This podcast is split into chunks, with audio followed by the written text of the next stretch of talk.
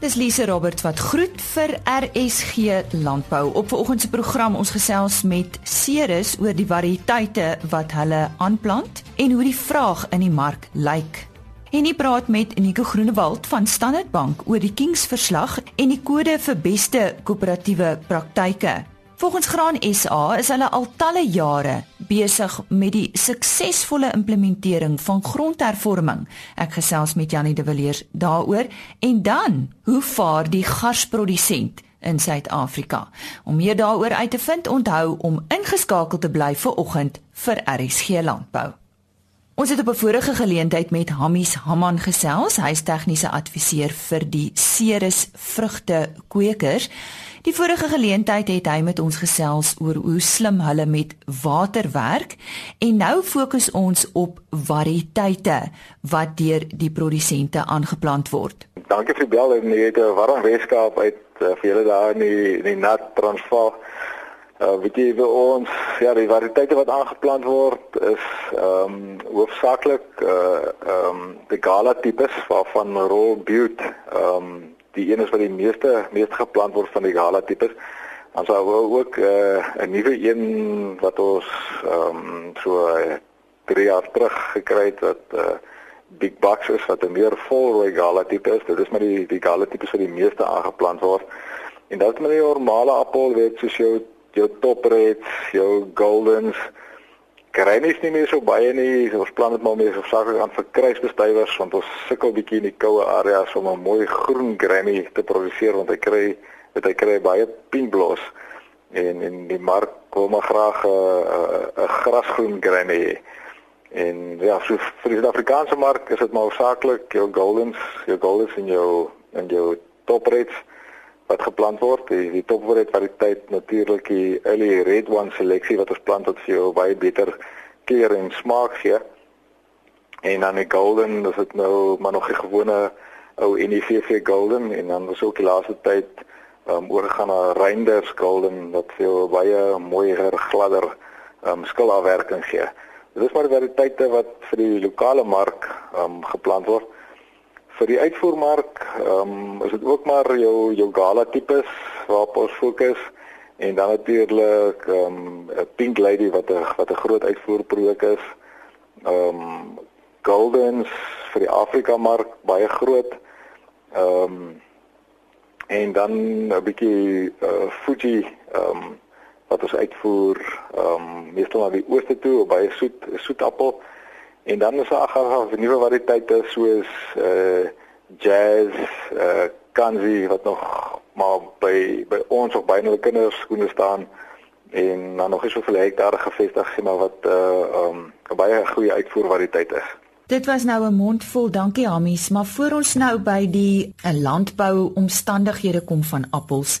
Ek ek het self opgemerk omdat ek 'n groen appelliefhebber is dat die die Granny Smith appels heelwat minder is op die rak.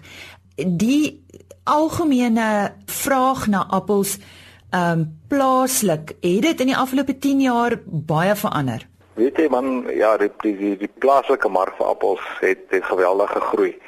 Ehm um, ek dink ook met jou ehm um, nuwe middelklas wat ingekom het ehm um, en meer gesondheidsbewus raak ehm um, en beter eetgewoontes aanleer. Ja, met daai geweldige mark ehm um, ontstaan vir ehm um, vir die plaas vir appels op die plaaslike mark.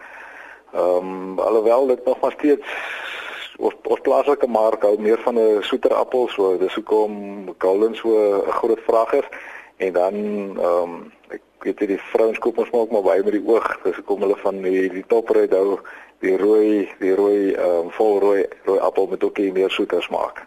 En uh, die oorseese mark? Weet jy die oorseese mark, ehm um, hulle is baie meer ge, gesofistikeerd. Hulle is fynbroers. Hulle sal hulle let hulle koop nie net met die oog nie. Hulle let baie meer op ehm um, na smaak. So hulle hulle sal dalk 'n leliker appel koop, maar sy smaak kom geval dan dan dan sal hy eerder op op smaak koop. Ehm um, die Europese mark hou meer van uh, daai effense soet maar met die suur, hy moet die definitief suur in ons maak. Dit is waarvan jy Europeërs hou terwyl jy oosterse mark um, baie meer van 'n soeter appel hou, weet jy, jou Royal Gala tipe is ehm um, jou jou Fuji tipe sou so meer geskik is vir jou oosterse mark. waar jou ehm um, Europese mark eerder sal gaan vir jou alhoewel hulle ook rol buttes vat meer aan die Engelse kant toe sal die Europese mark meer gaan vir ehm um, jou pink lady tipes, jou kanzi tipes, die jazz tipes vir hy effense ietsie suur in hom het. Nou appel weet ons is iets wat reg deur die jaar voorkom. Word hulle dwars deur die jaar gegroei of word hulle maar in koelkamers gehou vir die tyd van die jaar wat hulle nie beskikbaar is nie? Hoe werk dit? Hulle weet ja, hy is uh, hy is nou uh, 12 maande van die jaar is hulle beskikbaar, maar hy wil appels word normaalweg geoes van so middel Januarie ja, Januarie, Februarie, Maart. Gewoonlik jou jou jou appeltyd, jy kan dit so ver gaan as as Mei ook al hier na die 20ste kant wanneer jou pink ladies en en en sundowns um, geoes word.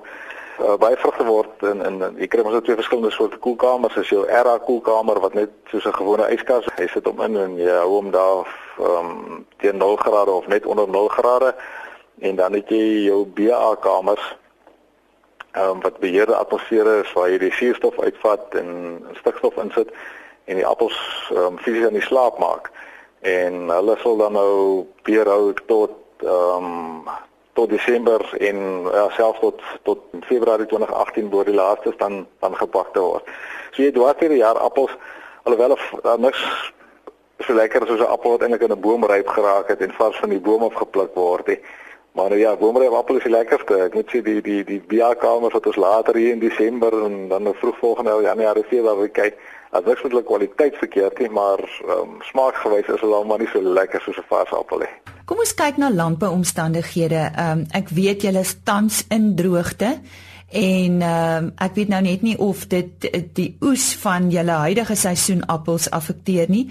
Maar eh, wat se effek het uh, droogte of na die ander kant toe te nat weer? Weet kos begin met die droogte. Um, ons het mos nou laas jaar 2016 toe ons veral in die Ceres kom in die Koue Bokkeveld, Warm Bokkeveld die Boeswaarmoed het ons het ons geweldige droogte gehad en en ons moes maar die die water rek om die, om die vrugte bome aan die gang te hou.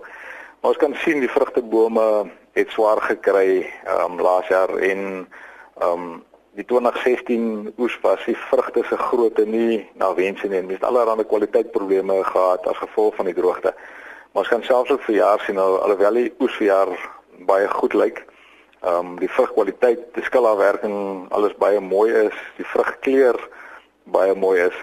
Ehm um, is dit baie die mekaar jaar vir jaar die die, die eerste noem dit somervrugte, die somerpere wat eers ingekom het. Hulle was so 'n week of twee later as normaal geweest. Maar nou hierdie middelklas vrugte wat inkom, die goldens, die die top reds daai tipe vrugte, hulle is so hulle is eintlik amper weer 'n week te vroeg en die kwaliteit goed is, is ons bekommerd oor interne hou vermoë, gaan die vrugte goed genoeg hou um, omdat hulle so vroegtydig um, ryp raak. As ons nou kyk na te nat, ja, jy kan jy kan um, te nat ook hê. Appels is baie gevoelig. Um, hulle voete wil nie graag nat wees nie. Hulle wil wil wil dit uh, meer gematig met droë, 'n droog droë grond hê waar pere nou weer effens 'n nat voet kan vat. Hy sal bietjie en die natheid kan staan. Hy sal jou nie pak gee daaroor nie, maar 'n appelboom is nie so verdraagsaam nie. Hy gaan vir jou, hy gaan sy laat uithaal en jou slaan as jy vir hom wil laat verswyk. So moet maar jou volgmeters en goed in die grond hê en maar met die boor in die graaf loop en en kyk dat jy nie te nat maak nie. Jy kan ook as jy weet as jy oor besproei veral laat in die seisoen paar dae voor oestyd gaan jy geweldig sukkel met met kneuse en jy kan dit ook kry dat laat die vrugte dalk ehm um, sal sal bars ehm um, as jy vir hom oorbesproei en te veel water gee laat in seisoen wie die die selle kan net soveel water absorbeer as hy te veel kry gaan hy gaan hy oorbars. Die tegniese adviseur vir Ceres vrugtekweekers Hamies Haman.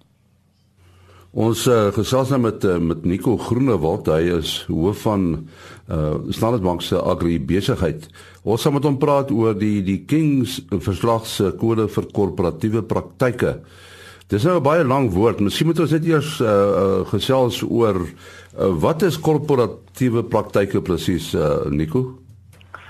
Man, uh, nee, ek dink dit is 'n dis 'n redelike breë begrip, maar dit gaan daaroor uh hoe 'n mens die die sogenaamde etiek van besigheid uh in jou besigheid inbring en watter stelsels en maniere en watter uh, raamwerk gebruik jy om seker te maak jy weet ou kan altyd sê dat jy dan net aan sekerlik wetlike vereistes voldoen en dan dat jy nou genoeg gedoen maar ek dink koöperatiewe praktyke gaan meer as dit dit gaan meer oor die oor die besigheidsetiek wat agter dit sit. Uh die die omskrywing daarvan, jy weet so iets so etiek, is dit nie 'n bietjie vaag nie? Ja, ek dink ek ek dink as 'n mens dit nou wil opsom en seker in in in in gewone terme ehm um, uh, as ek nou die Engelse uh, terme kan gebruik, you know, what is the right thing to do? Daai die die die die aspek van tussen reg en verkeerd en wat is op baie stadiums miskien nie wetlik verkeerd nie, maar wat is die regte ding om te doen? En ek dink dis die dis die kwessie van etiek wat binne besigheid sit. En en die King verslag, uh, dit dit loop nou al 'n paar jaar, né? Nee? Dis reg ja, die die King verslag kom al hier uit die uit die vroeë 2000 uit uh toe die eerste verslag uitgekom het. En uh, nou ja, nou is daar verskillende weergawe wat uh nou ontwikkel het so met die tyd saam. En wat nou veral belangrik is is met die met die uitrol van die nuwe maatskappywet uh het die die vorige King verslag dan ook uh daarbey aangepas om om sekere vereistes wat binne die die maatskappywet, 'n nuwe maatskappywet sit, ook dan binne hierdie raamwerk uh hierdie beleidsraamwerk dan nou nou aan te spreek. So julle julle het 'n sessie gehou waar uh besigheidsleiers en ander rolspelers uh in die landbou uh, ook teenwoordig was. Hoekom het julle dit gedoen?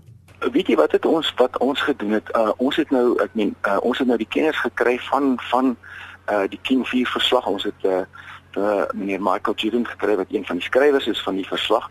Uh maar ons het ook ons uh uh vorige uh, bestuurende direkteur meneer Jacques Marie gekry en ek dink die beginpunt of die wegspringpunt van hoekom ons dit gedoen het was juist om te kyk na wat is die die die suksespunte in 'n besigheid en ons het so 10 punte geïdentifiseer wat uh uh Jacques Marie nou baie goed aangespreek het. Onder andere in een van daardie 10 punte is dan nou die sogenaamde korporatiewe bestuur of uh, corporate governance. Uh in na aanleiding van die King 4 verslag wat nou onlangs gepubliseer is einde laas jaar, het ons nou spesifiek dan nou verder ingedelf op daai onderwerp uh uh rakende corporate governance. Een ding wat 'n mens moet onthou, wanneer 'n mens met 'n besigheid begin en jy begin gewoonlik nou as 'n eenman saak, uh is jou groot is een van jou groot drywers jy wil groei jy wil groter word. En soos jou besigheid groter word, moet jou uh besigheidsstruktuur die verander ook oor tyd en dit is nie altyd noodwendig dat ou die ding so beplan dat jy uh, 'n oordentlike struktuur in die ding het wat dan nou wat dan nou kan aanspreek uh uh die sogenaamde corporate governance en dit is dit is baie keer daar wanneer ou van die een stap na die ander toe wil gaan in terme van groei wat jy vashou dan nou ewe skielik word daar sekere vereistes op jou gesit uh wat jy nie noodwendig aan gedink het toe jy vroeër met die besigheid weggespring het. Ja, ons praat nou so van van besigheid uh landbou besighede Maar uh, in werklikheid is elke boerdery 'n landboubesigheid, nê? Nee? Absoluut en ek dink dit is baie keer uh jy weet waar mense die die fout maak om te dink dat uh, goed ek is 'n eenman saak uh en ek hoef basies net aan myself te ver, uh, aan myself te antwoord ten opsigte van hoe ek die besigheid bestuur en hoe suksesvol dit is. Wat interessant is in die King 4 verslag praat hulle van die sogenaamde uh stakeholders of kom ons noem dit dan 'n belanghebbendes uh en nie noodwendig net uh uh, uh ten opsigte van aandeelhouers nie. 'n Belanghebbendes kan baie meer wees as net met uh, sogenaamde aandeelhouers. Goed, die King 4 verslag is baie sterk gefokus op die verhouding tussen uh bestuur uh dan nou die die raad van direkteure uh um, en dan nou uh, um die besigheid self. Uh maar ek dink daardie daai term van van van, van belanghebbendes is is strek baie wyer vir alles in mense in 'n eenman saak is.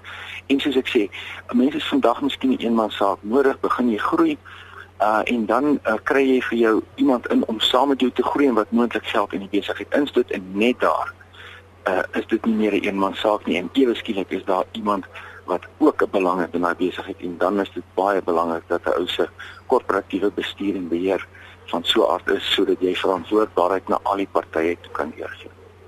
Uh, en waar staan landbou uh, die landboubesighede wat wat uh, korporatiewe bestuur betref? Ek dink ek dink uh, in in die landbouomgewing self uh, waar ons uh, tradisioneel uit 'n omgewing uitkom waar korporasies uh, of die sogenaamde landboukoöperasies 'n baie sterk rol gespeel het en nog steeds speel en al hierdie al hierdie landboukoöperasies of landbouagribesighede is ook in 'n in 'n evolusie van 'n fase van ontwikkeling uh wat hulle al hoe meer skuif na 'n uh, uh, uh, ten volle maatskappy gebaseerde besighede met uh, ingewikkelde maatskappystrukture. Uh en al daardie goed vereis dat daar uh voldoende koöperatiewe strukture om jou vraag te antwoord. Waar trek ons? Ek dink uh, uh die landboubesighede uh is baie bewus daarvan. Uh die landbousakekamer of agri uh Agbus het het, het spesifiek ook uh, sessies uitgesit ten opsigte van om om landboubesighede te help om dan nou hulle koöperatiewe bestuur uh in tred te hou met met die verandering van die tye. So ek dink in kort uh landboubesighede op die bokant van die skaal uh um, is definitief in lyn met wat vereis word. As 'n mens nou net 'n voorbeeld kan gebruik, uh vandag maak die Alt Expo in uh van die maatskappye wat daar ge, gelys gaan word is prominente landboubesighede wat 'n duidelike aanleiding is uh dat uh mense sal nie daar kan gaan lei sonder dat jy nie uh die nodige koöperatiewe bestuur uh um in plek het nie. Maar daar is 'n uh, sekere uh, paadjie wat nog geloop moet word.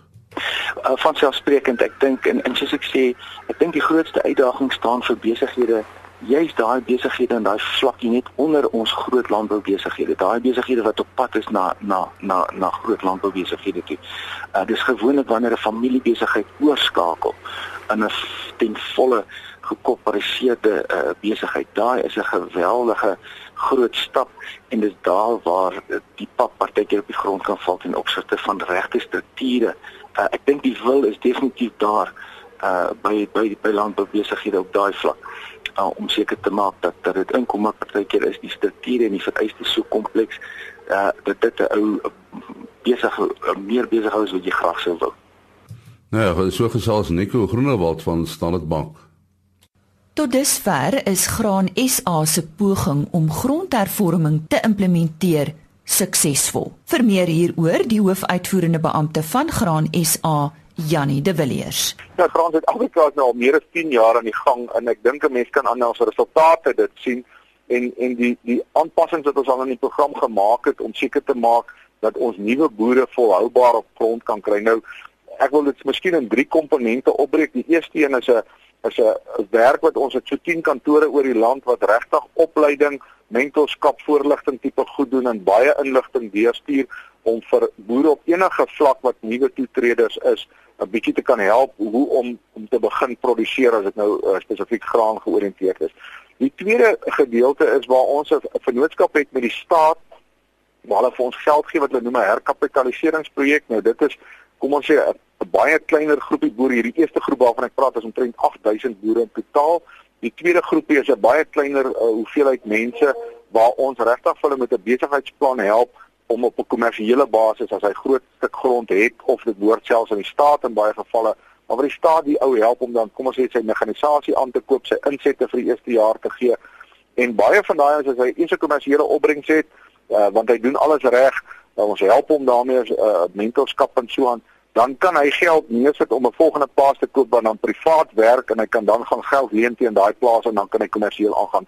Ehm um, nie so groot hoeveelheid boere nie, maar ek wil daar's baie van hulle wat in daai kategorie is en dit hang maar af van hoeveel geld die staat het. Die laaste kategorie is waar ons saam met Tesorie in 'n klomp van ons insekverskaffers eh, 'n uh, projek het wat ons 1000 boere begin het op 1 hektaar elk. Nou ons wil nie van hulle kommersiële boere maak nie, ons wil net help om in plaas van 1 ton per hektaar miskien 5 ton te kry dat hy 'n kommersiële opbrengs op sy 1 hektaar kan kry. Nou dis ons al die derde jaar van daai projek en ons trek al by 3.500 mense in die wonderlike stories wat ons hoor is hoe mense wat so 1 ton 'n jaar moet opeet, weet nou iewers skielik 5 ton produseer dan kan hy 4 ton verkoop en dan kan hy 'n yskas van koop of 'n bed of hy kan sy kinders se skoolgeld agterstel en skoolgeld betaal of hulle nuwe skoolklere koop. Dan daai stories waar jy huishoudings regtig uit armoede uithelp is nou iets wat vir ons geweldig bevredigend is. Dis net 'n groot klomp werk, maar ons kry dit reg om boere volhoubaar te begin maak. En ek dink dit is die ding wat ons sê vir grondhervorming 'n belangrike sleutel is. En hierdie boere waarvan ek nou gepraat het, hulle moet elkeen ook hulle eie bydrae neersit. Dit is arme huishoudings wat 3.500 rand per hektaar moet self betaal en dan kry hy die, die regte inset en al hierdie insette is hoë tegnologie goed. Ons is nie besig om vir hulle ou tegnologie te leer nie. Hy doen geen bewerking nie. Hy plant geen oommielies, hy spuit daai goed dood met 'n 20 liter sprayer op sy rug en alles word dan met die hande gedoen, maar dan kry hy ook 'n hoë opbrengs en ek dink dit is wat ons opgewonde maak dat ons sê maar grondhervorming kan plaasvind, maar dit kan ook volhoubaar wees moet jy dit reg doen en die regte boere kry om dit te doen. Nie nie hierdie as dit nie dorp bly en wat toevallig 'n stukkie grond by die staat gekry het omdat hy nou die minister ken of die president of wat ook al die hoofuitvoerende beampte van Graan Suid-Afrika, Jannie de Villiers. Ons fokus nou op die garsprodusent in Suid-Afrika.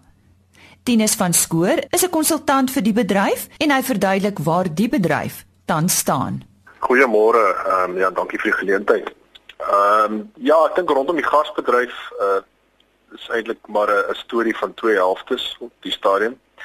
Uh ek dink oor die algemeen baie positiewe plek uh, veral in die die droëland gebiede soos die Wes-Kaap. Ehm um, maar in die besproeiingsgebiede sukkel dit maar as gevolg van die uh, van die droogte wat ons gehad het laas jaar en uh, en 'n paar ander faktore. Maar oor die algemeen ek dink is die gasbedryf op 'n baie goeie plek. Tradisioneel, uh, waar word dit geplant? So tradisioneel het gas ontstaan in die Wes-Kaap en die Droëland area, uh, spesifiek die Suid-Kaap. Uh, ek sou sê die areas vanaf Caledon regdeur tot uh, Heidelberg op die tuinroete. Dit is 'n gebied van omtrent 240 000 hektaar waarvan gas min of meer tussen 80 en 90 000 hektaar per jaar 'n gas aangeplant word. Dit is die die area waar waar gas ontstaan het, ek sal sê amper 25 jaar terug en meeste van die ontwikkeling plaasgevind het. Ehm uh, maar omtrent uh net omtrent 15 na 19 jaar terug het ons in die besproeiingsareas van die Noord-Kaap gas begin aanplant So dit dit daar ook is die tweede grootste gebied uh, ek sou sê noord van Kimberley en suid van Kimberley. Wat van ons buurlande? Uh buurlande nie want uh, meeste van die buurlande lê in areas waar gas nie aard nie. Ehm um, meer na die tropiese en laagliggende areas. Uh, gas hou van uh, van hoogte en hou van van 'n konstante lae temperatuur. Kom ons vertel vir ons uh, luisteraars wat dalk nie weet nie, waarvoor word gas gebruik? So gas het verskillende uh, gebruike. Die grootste gebruik daarvan is uh, om te vermout. Dit beteken 'n moutgas daarvan te maak. Ehm um, dit beteken dat die ontkiemingsproses met gas ehm um, gesimuleer of of of plaasvind om dan die gas in mout te omskep. Dit kom dan in 'n vorm wat gebruik kan word vir fermentasie. Ehm um, so jou whiskies word gemaak van 'n moutgas. Uh, jou single malt whiskies wat ons sal ken uh, of gewone whiskies en dan natuurlik bier. Uh, dit is 'n baie groot komponent, dit is waarskynlik die grootste rou materiaal in die in die produksie van bier. Ander gebruikte van gas is is voergas. Dit is baie goeie voer uh, materiaal wat gemeng word met uh, met ander voerkomponente. En ek sien deesdae gas word selfs op die rakke verkoop by Woolworths, ehm um, in terme van uh van 'n goeie alternatief, organiese alternatief vir mensgebruik. Hoeveel produseer ons in Suid-Afrika as ons na hektare kyk? So hektare, ehm um, onthou net in die droëland is jy opbrengs laer as in 'n besproeiingsarea, so in die droëland areas.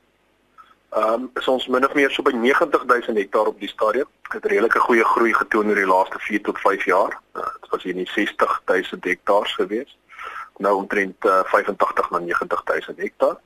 En in die besproeiingsareas ehm um, is dit uh, is dit heelwat minder op die stadium uh, in die orde van omtrent so 9 na 10000 hektaar in al die besproeiingsareas, maar die opbrengs daar is natuurlik baie hoër, net 6 na 7 ton per hektaar, waar in jou droëland omtrent 3 na 4 ton. Nou die verbouing en die opbrengs daarvan verskil ook seker vir waarvoor ons dit uh, wil gebruik. Ja, korrek. Ek dink vir vir bier gebruik of vir uh, vir whisky is dit baie belangrik dat die ontkiemingsvermoë van die gas behoue bly nou by 'n maksimale ontkiemingsvermoë. Ehm um, wat is baie belangrik vir die proses. Terwyl vervoergas ens is die ontkiemings uh, vermoë uh, nie nie so belangrik nie. En uh, dit is 'n groot faktor in die verbouing van gas. En uh, waar word navorsing gedoen um, om uh, natuurlik kultivar verbeterings uh, na te kyk? Die grootste entiteit uh, wat markandeel betref as dit kom by garsnavorsing is is die Suid-Afrikaanse Bali Ontwikkelingsinstituut of SABI uh, en dit is geleë in die Wes-Kaap net buite Kalinon. Dis 'n wêreldklas uh, instansie. Dit uh, ontstaan ehm um, omtrent ek sou sê 19 jaar terug en uh dit het dit groot te ondersteuning van die industrie gekry sowel as entiteite soos SAB en op die stadium is dit wêreldklas uh variëteite wat wat uit daai navorsingsinstituut uitkom. Die teeling vir vir die vir die besproeiingsareas vind ook plaas um uit SAB uit. Um as ook teeling vir vir Afrika. Die gewas word dit as 'n wisselbou gewas enigsins gebruik of sal 'n produsent dan net dit aanplant? Die Droland gebied is 'n definitiewe wisselbou gewas. Uh dis baie komplementêr tot ander gewasse soos uh, canola en koring. Um en, en omdat hy baie goed is in terme van siekteweerstand en baie effektief is in van watergebruik, uh, is dit 'n baie belangrike komponent van die wisselboustelsel. In die besproeiingsareas in die noorde, ehm um, tipies word gas uh, wat 'n wintergewas is dan nou geroteer met met iets soos mielies in die somer of lucerne of of sorghum in sekere gebiede in Afrika. En uh, ons uh, gebruik dit as 'n uitvoerproduk? Op die stadium het ons 'n uitvoermark ontwikkel. Ehm um, spesifiek uit die Weskaap uit um, in in moutgasvorm dat hy word vermout en dan uh, uitgevoer na Namibië, Botswana, Lesotho, Swaziland en Mosambiek. En in hierdie afgelope jaar is 14000 ton um, uitgevoer. Ek het daar gesels met Tinus van Skoor. Hy's 'n konsultant vir die garsprodusent in Suid-Afrika. En daarmee groet ons amper. Kom ons kyk net vinnig na môreoggend. Ons kry die nuutste nuus oor die diesel rabat by Corneil Lou van Graan SA. Die eienaar van Fairview, Charles Buck, het onlangs 'n erepenning ontvang. En hoe lyk vooruitsigte vir die mango bedryf? Interessante onderhoud wat Henny daar gehad het met Jaco Fivers. Dit is môreoggend, RC Landbou om 05:30. Totsiens. RSG Landbou is 'n produksie van Blast Publishing. Produksieregisseur Henny Maas. Aanbieding Lisa Roberts. En uitskoördineerder Martie Kerstyn.